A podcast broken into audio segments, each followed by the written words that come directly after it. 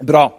Eh, var, jeg, jeg hørte en historie for en, en tid tilbake om en, en dommer som, som hadde noen kamerater og som hadde noen venner. Selv dommere har venner og kamerater. Så det var en av disse kameratene til han dommeren som kom med jeg lurer på om det var, Enten var det en fartsbot eller en, en parkeringsbot. Som han kom og tok med til denne kameraten sin som var dommer. Og så sier han du, kunne ikke du, Hadde du hatt sjanse for å på en måte fiksa denne boten min? Kunne du ha liksom enten, altså, at du bare enten ser bort ifra den, eller altså, du, du, fikser den på en måte? Og så sier dommeren ja, jeg skal ta med meg, ta med meg boten din. Det, det er greit. Og Så møter denne kameraten denne dommeren en, en, en tid senere, og så sier denne, denne, fyren at du, 'Tusen takk for at du, at du fikset, fikset, boten min.' Og så sier han dommeren, 'Ja, fikset boten din? Jeg, jeg, jeg fikset den ikke, men jeg, jeg, betalte boten din', sier han. 'Å, betal, betalte du boten min?' sier han. Ja, det var jo ikke meningen at du skulle betale den. Jeg tenkte heller at du kunne bare se bort ifra den, eller, eller, bare fikse det på en eller annen måte som, som dommer. Så sier han dommeren at, ja, men du vet at du gjorde en overtredelse. Du gjorde noe galt. Du brøt loven. Og det hadde en pris som var på den boten. Sånn at hvis rettferdighet skal skje, som jeg er nødt til å gjøre Hvis vi skal fjerne det som har skjedd, så sier han, så har det en pris. sier han. Så eneste måten min å få den ut av systemet og få den boten annullert, det er faktisk å betale den prisen som står på den boten, for å få den vekk. Og jeg syns egentlig det er en veldig godt bilde på det som Jesus har gjort for oss. Og det er noe av dette som jeg ønsker å vise oss litt i formiddag. Det er litt om hvilket perspektiv har du og jeg på det Jesus har gjort for oss. For jeg tror noen ganger at vi har et, et, utgangspunkt om Jesus at han er på en måte en som bare fikser litt for meg. Vi kan bruke Jesus på en måte slags form for sånn Ja, det er godt å ha han, og jeg på en måte Det er litt sånn What's in it for me? Men dommeren han sa til denne kameraten sin at i og med at du brøt loven så var det en pris som hang med på det. Og eneste måten å få det annullert, det var å betale. Så jeg betalte den boten for deg, sa han. Og det er nettopp det Jesus gjorde for deg og meg. Det var en pris som jeg bar rundt på, som hadde med min synd å gjøre, som ikke man bare kunne se bort ifra. Men den synden den måtte betales med en pris. Og det var det Jesus kom for å gjøre. Han kom for å betale prisen min. Han annullerte den ved at han tok min straff. Den prisen som jeg egentlig skulle betalt, den tar Jesus, og så betaler han den gjennom at han dør for min skyld. For min pris var egentlig at jeg skulle dø. Men når Johannes døperen står og ser Jesus komme til han gående langs Jordanelven, så sier Johannes døperen, 'Se der', sier han. Der kommer han som skal ta bort all verdens synd. Hans oppdrag er å komme og ta din og min pris, din og min skyld. Og jeg syns det er fantastisk. Det er godt budskap, er det ikke det? Så det har vi lyst til å, å dele litt om. Eh, vi har et fantastisk budskap å dele, dere. Vi har et fantastisk budskap å forkynne. Og jeg, jeg, når jeg sitter med dette, så tenker jeg bare for en verdi vi har som har opplevd Jesus. For et budskap vi egentlig har. Samtidig så finnes det noe på en måte oppi dette som har med dette med døden og korset og de tingene som er litt sånn Hva skal vi si? Det er litt følsomt, det er litt touchy, det er litt, det er litt hva skal jeg si, Det er litt vanskelig noen ganger å skal forholde seg til alle disse elementene. Og det er kanskje noen ganger litt sånn type nedverdigende ting i dette som har med død og, og korsfestelse og tornekrone og blod og alt disse tingene her. Og det er så utrolig å se hva Paulus han sier. Han sier til og med 'Jeg skammer meg ikke', sier han. Har du tenkt noen gang på det? Hvorfor sier Paulus at 'jeg skammer meg ikke over evangeliet', sier han. Du kan lese det. Det står i, det står i Romerbrevet kapittel 1 og vers 16. Paulus han sier, 'For jeg skammer meg ikke over Kristi evangelium'. Du finner ikke noen annen religion hvor noen som skriver om sin religion, skriver noe som helst om å skamme seg. Men Paulus han nevner det når han skriver som en representant for evangeliet. Så sier han, 'Jeg skammer meg ikke over evangeliet'. For noen ganger kan disse tingene nesten virke litt sånn nedverdigende og skamfullt. Men Paulus han hadde sett noe som lå i noe av det som har med korset å gjøre. Som han visste at i dette så ligger det en nøkkel. I dette så ligger det en oppstandelse. Og Derfor så sier Paulus jeg skammer meg ikke over evangeliet. For, for det er en Guds kraft til frelse for hver den som tror. Og det er sterke ord. Amen. Det har vært en utrolig uke for Jesus.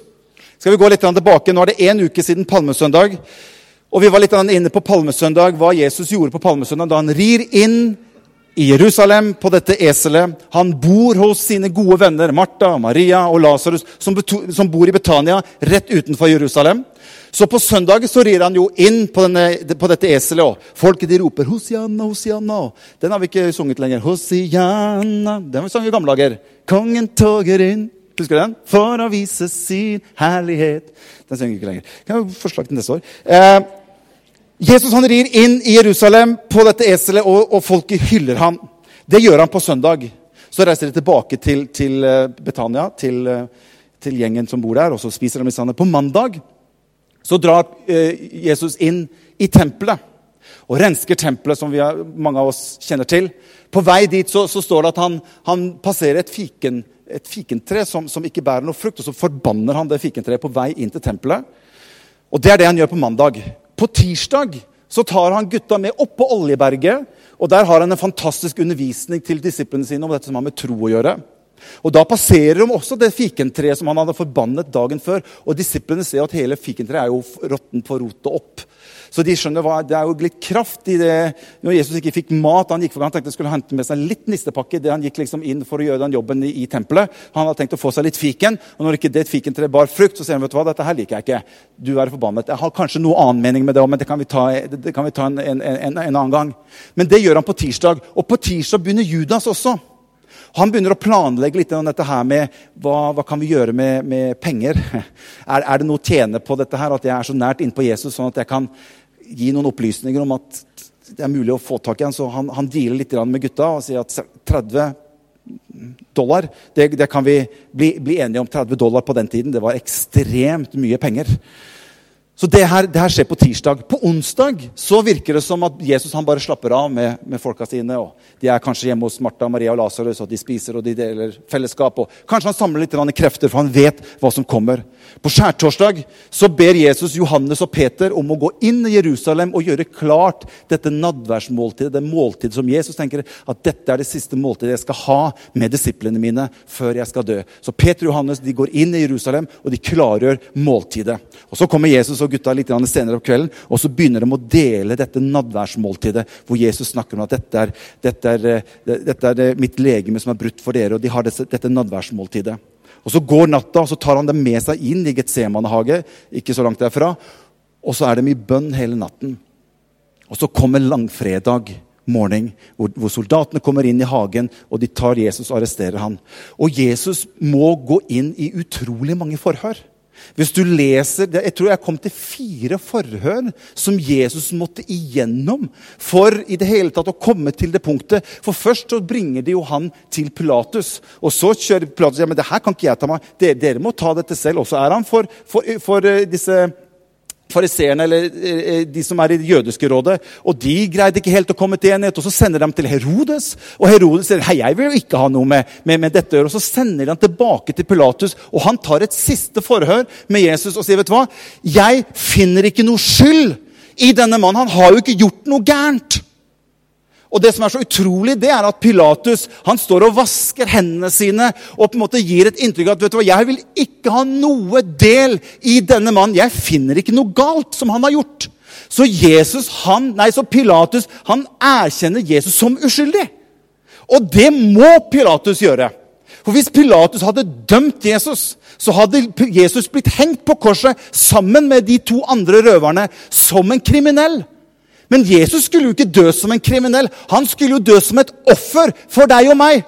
Så Pilatus han kunne ikke være borti offeret i det hele tatt. Derfor så måtte han vaske sine hender. Og til og med kona til Pilatus hun hadde ligget og sovet litt på den dagen, og hun hadde fått en drøm hvor hun plutselig begynner å drømme om at denne mannen her må du jo være forsiktig med, for han er uskyldig. Så hun løp til Pilatus' mann og sa vet du hva, vet du hva, du må være veldig forsiktig med Jesus, for han er uskyldig. Og Pilatus han fikk sikkert litt sånn, han ble litt usikker på dette her. Så vet du hva, dette ville ikke han om å gjøre. Og Det var ikke vanlig at jødene fikk lov til å ta bestemmelse selv for hvordan man skulle gjøre med korsfestelsen. Det var noe romerne hadde fullt oversikt på, og der var det de styrte. Men denne gangen her Merkelig nok så snur man litt på flisa, og så sier, så sier Pilatus OK, hva gjør vi? Jo, vi har jo denne fyren Barabas som sitter i fengselet her. Og Av og til så slipper vi løs en fange etter folkets ønske. Så sier han til folk ok, vi kan gjøre det på denne måten. At dere kan få lov til å få den morderen Barabas tilbake iblant dere. Det er jo sikkert veldig ønskelig. Eller dere kan få Jesus. Og det merkelige er at den gjengen som en uke før sto og ropte ropte Hosianna, Hosianna. Velsignet være Han som kommer i Herrens navn. Som sto med palmegrener. Nå plutselig begynte temperaturen å snu seg litt. Og folket begynte å rope, 'Kors, fest han! Kors, fest han!' Og Jesus begynner å merke at flere og flere av tilhengerne av de som ønsket at han skulle jo være for de, det de ønsket at han skulle være for de. Og når Jesus ikke tilfredsstilte alle de ønskene hos folket som de hadde sett for seg, ja, så begynte Jesus å bli mindre og mindre populær, og han ble mindre og mindre aktuell. Så ifra å stå og rope Hosianna i håp om at vi tror jo han her er jo han som skal utfri oss ifra romerne. Og Når de begynte å merke at det kanskje gikk, ikke gikk den veien likevel, så begynner de å snu, og så roper de 'Korsfest ham'. Da var det ikke så aktuelt med Jesus lenger. Og det er noe av dette jeg har lyst til å løfte opp for oss alle sammen i dag. Hvilket perspektiv på Jesus har du i ditt liv? Hvilket perspektiv har jeg på Jesus i mitt liv? Hvem er Jesus for meg? Er Jesus en jeg bruker til alle de fordelene han har? Eller er han noe mer? Når Jesus, når, når, ikke Jesus, men Anette Det er ikke så veldig ulikt, men, men denne gang var det Anette jeg måtte henvise til. Når Anette og jeg skulle gifte oss, så skjønte jeg fort at det var penga mine hun var på jakt etter. Det, det, det, skjønte jeg veldig fort. Hun skjønte at her må jeg bare inn, altså. For her er det mye penger. Så hvis jeg kan få lov til å gifte meg med han, så vil jo jeg nyte veldig godt av det i årene fremover. Vet du hva, Jeg, jeg hadde ikke ei krone. Jeg var jo helt på å si bank. Jeg, var, jeg hadde jo ingenting. Men vi ble sammen fordi at vi hadde en relasjon til hverandre. Og når presten sier at dere skal være sammen i gode og onde dager Det er det forholdet vårt bygger på. Ikke at en av partene kan hente ut en eller annen fordel av å være sammen med den andre. Og det er noe av dette som skjer med Jesus. Når han begynner å nærme seg korset, så begynte mennesker å trekke lenger fra. Fordi at Jesus ble liksom ikke akkurat det jeg hadde tenkt meg for min del. Og hvis du er her i formiddag som, som, som kan ha Jesus som en slags form for sånn sikkerhetsbøye. Eller du, du bruker ham fordi det kan hende at han kan gjøre noe godt for meg. Hør! Jesus ønsker å ha en personlig forhold og relasjon til deg og meg i livene våre. Det er ut ifra det at fordelene med å være sammen med Jesus springer. Men først og fremst er jeg kalt til å ha et fellesskap med personen Jesus Kristus. For han døde for meg. Han var villig til å betale min Det var min skyld at han måtte dø. Det er var ikke sånn at han bare kom og sa vi sånne snille, gode mennesker, og så gjør han litt godt for oss. Nei, det var pga. meg at han havnet oppå det treet og ble korsfestet. Det var pga. meg. Og når han gjør det med meg, så vil det være uriktig at jeg skal gå inn i et fellesskap med han kun med et utgangspunkt at jeg kan få nyte noen fordeler av å være sammen med Jesus. For han kan helbrede litt òg. Han kan velsigne litt òg. Han han han kan være litt behjelpelig når, når, det er vanskelig. Det er ikke det som er utgangspunktet. Utgangspunktet er at han døde for meg. Han ga sitt liv for min skyld. Og jeg elsker han for det. Om ikke han hadde gjort noe annet resten av mitt liv, så hadde det holdt for at jeg ønsker å ha et forhold og en relasjon til denne mannen som ga sitt liv for meg. Og Jeg vil at du og jeg i formiddag ved Den hellige ånds hjelp skal få lov til å oppleve og vår rett perspektiv på hva Jesus gjorde på korset.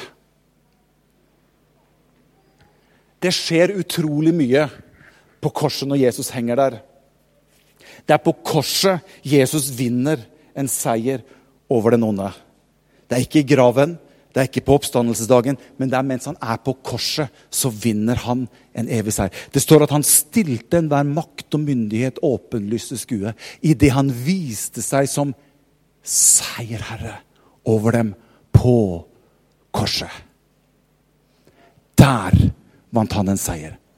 Og det skjer en del ting. Og når han ånder ut. Når, når, når, Gud sier, 'Far, i dine hender overgir jeg min ånd', så puster han ut. Han gir sitt liv. Ingen tok livet hans. Håper å si, Hadde han villet, hadde han hengt der enda. Men han ga sitt liv. Var det ingen som kunne ta han. Og den onde hadde prøvd alt han kunne. Hele den tiden han henger på korset og legger alt av synd, av sykdom, av forferdelse. Alt som tilhører hele menneskeheten, blir lagt på han, og han utholder det alt sammen. Og til slutt så avvæpner han alt det som hadde blitt lagt på han, og han er seierherren. Og det er derfor Jesus roper 'Det er fullbrakt'. Da vinner han en knusende seier over døden. Og du skjønner, Johannes han får se Jesus en god del år senere. For Jeg skal vise deg noe her som skjer. Se hva som står i Johannes' åpenbaring, kapittel 1, vers 17. Har dere litt tid i formiddag? Det er dårlig vær ute. Det er ikke noe ute å trakte etter.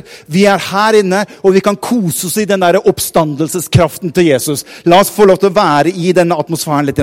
Johannes' åpenbaring, kapittel 1, vers 17. Der kommer Johannes, og så får han se noe fantastisk. Det står Da jeg så han falt jeg som død ned for føttene hans. Men han la sin høyre hånd på meg og sa, 'Frykt ikke.' Jeg er den første og den siste og den levende. Og så sier han til Johannes, 'Jeg var død, men se, jeg lever.' Og så sier han noe spesielt nå etterpå. Så sier han, 'Og jeg var død, men se, jeg lever i all evighet.' 'Og jeg har nøklene til døden og dødsriket. Jesus har noen nøkler til døden og til dødsriket. Det ordet 'dødsrike' det er et gresk ord som heter 'hades', som betyr egentlig hva skal vi si, et oppbevaringssted. Dette var det stedet som alle de hellige, de som opp igjennom historien hadde dødd, de blei oppbevart i dette stedet, i dødsriket. Så når Jesus vinner en seier, så står det at han avvæpnet den onde. Og så sier han, og jeg husker fatteren når han preka om dette, så sier han at så kom han ned i dødsriket. Og så sier han til den onde at hvis du husker, kanskje noen av dere som husker det, hvis du kan overbevise meg om synd, så skal jeg bli her. Men hvis ikke, så gi meg nøklene til døden og dødsriket. Er det noen som husker Tom sa, som, som brukte den der? Det er nettopp nettopp det han gjorde. Han fikk nøklene, for den onde måtte levere fra seg nøklene til døden og til dødsriket. Og da kommer Jesus, og skjønner, Jesus han kommer ned dit som seierherre. Ikke som en sånn, sliten som hadde vært igjennom en vanskelig tid. Nei, han kommer ned som seierherren fra Golgata. Så når han åpner dødsrikets porter, så slår lyset inn i dødsriket, og han kommer marsjerende, gående inn som seierherre ifra Golgata. Og han går rett bort til noen og sier, 'Hit med nøklene.' Hit med nøklene. Jeg er seier. Og han måtte gi fra seg nøklene til døden. Og det står, det står faktisk det. Peter skriver om dette, at i dette gikk han ned, står det. Jesus. Og så står det og han forkynte for fangene som var i varetekt, sier han.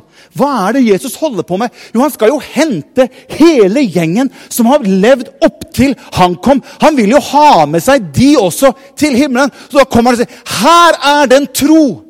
Her er det som alle ofringene opp gjennom hele Det gamle testamentet dreier seg om. Her er jeg, sier han.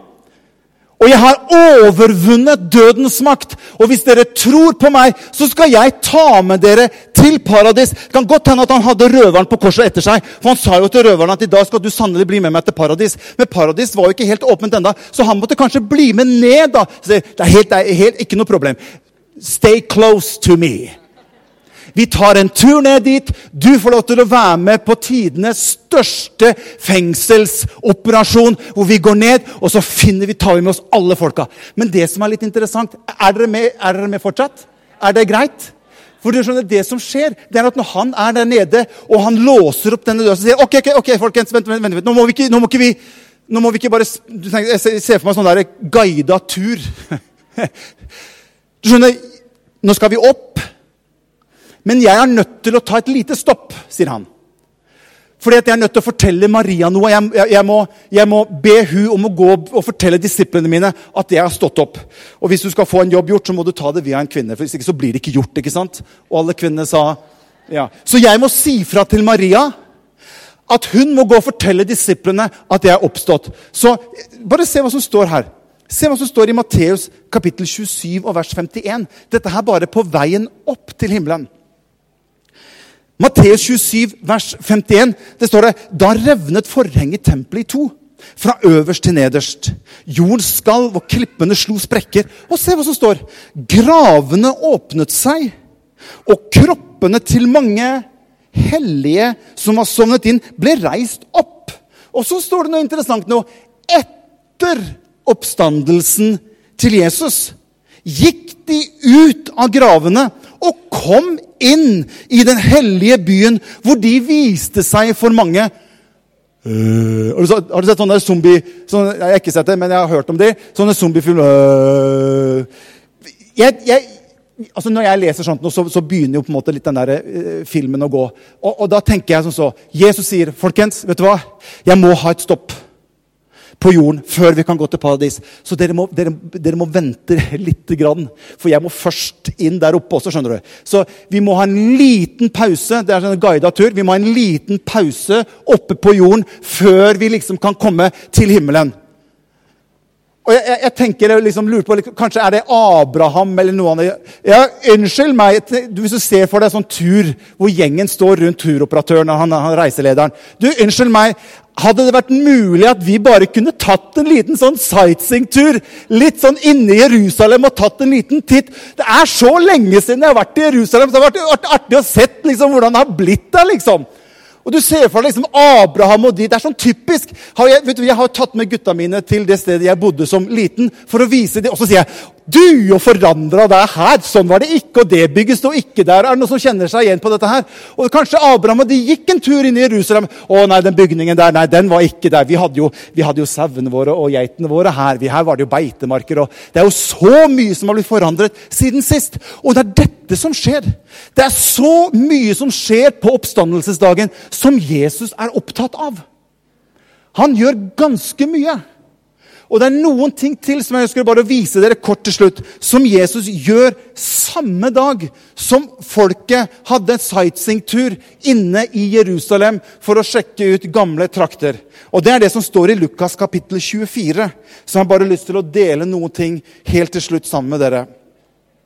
Lukas 24 fra vers 13 handler om Emmaus-vandrerne. Er dere med litt til? Lukas 24 vers 13 handler om Emmaus-vandrerne. Og jeg lurer litt på hva er det Jesus gjør her? Dette er på oppstandelsesdagen hans. Han har stått opp ifra de døde. Og så setter han i gang med denne operasjonen her.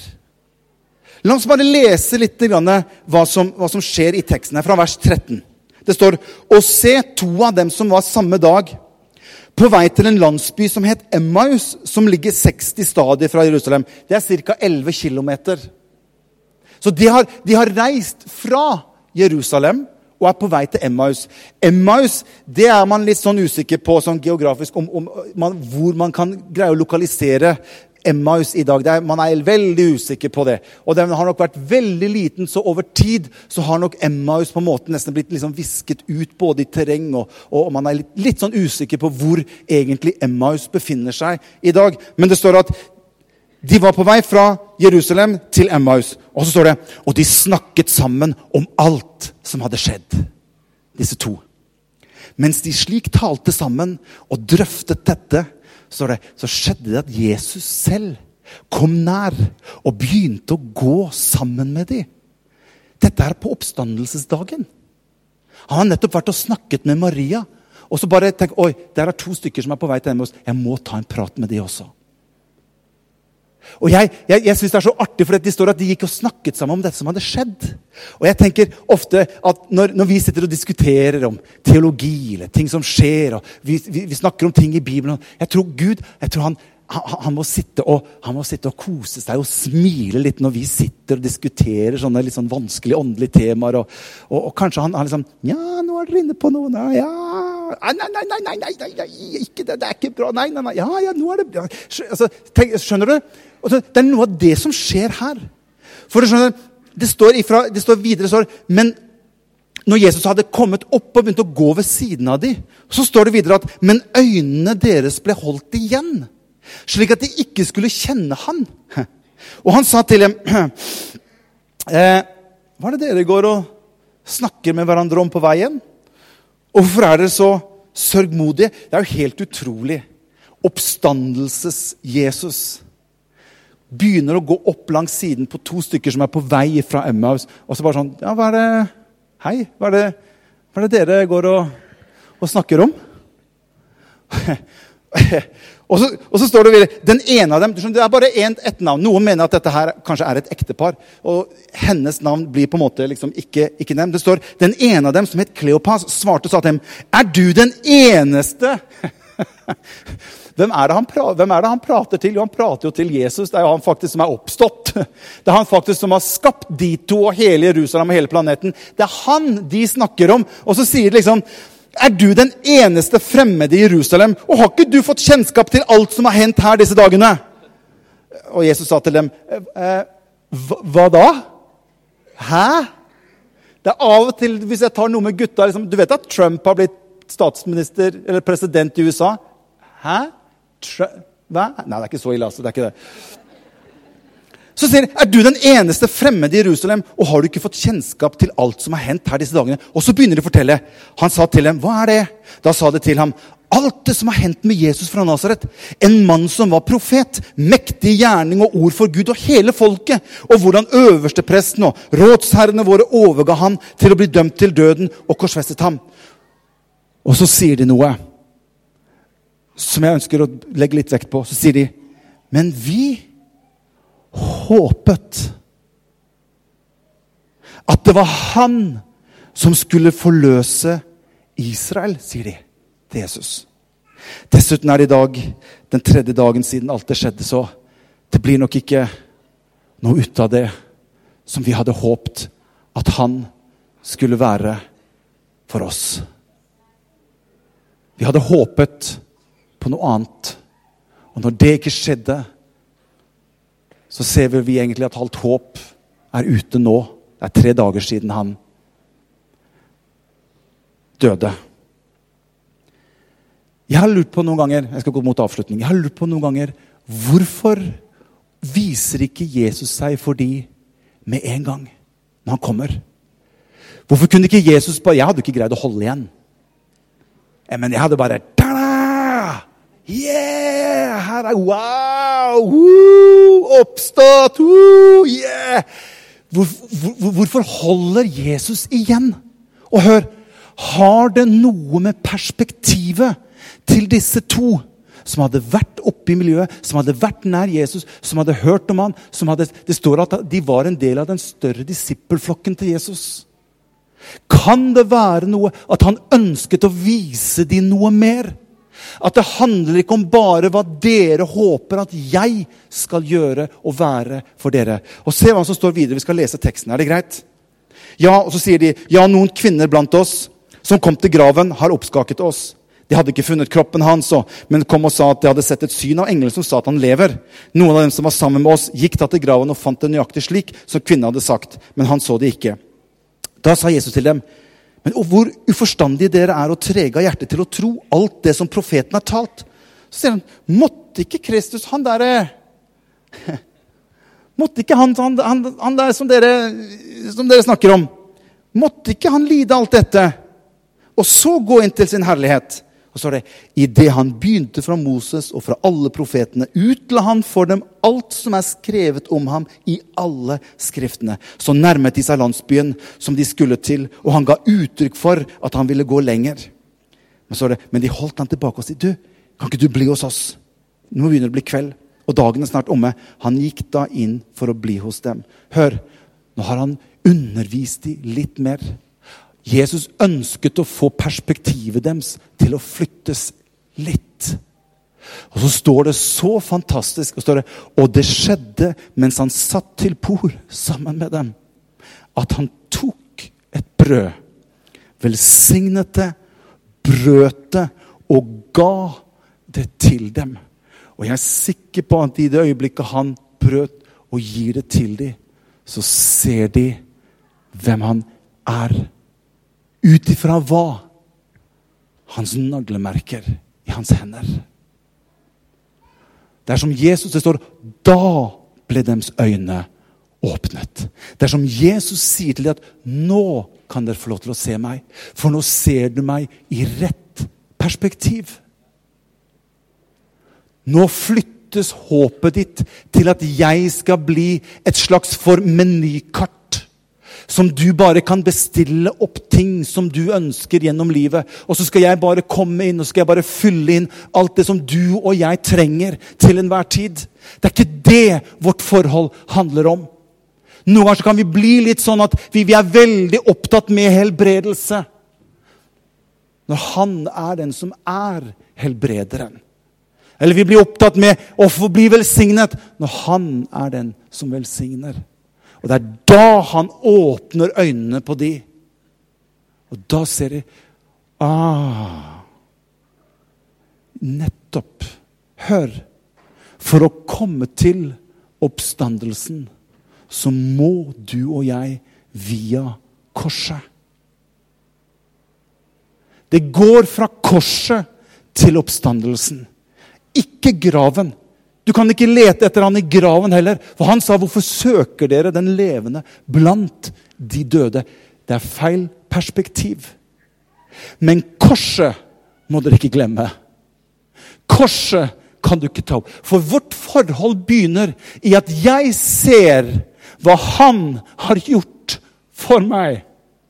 Og når de så naglemerkene i henne, så skjønte de og så det er jo det han er. Han er min frelser. Han er min redningsmann. Det er jo han det dreier seg om. Det er jo han jeg skal ha et forhold til, og ikke noe annet. Og Det er derfor Peter sier i Filipperne 3 og vers 10 Lovsangere, dere kan komme opp, skal vi synge litt. Der. Filipperne kapittel 3 og vers 10. Det sier Paulus for at jeg skal kjenne Han og kraften av hans oppstandelse Ser du hvilken rekkefølge Paulus setter de? Jeg må kjenne han først. Jeg må kjenne han først.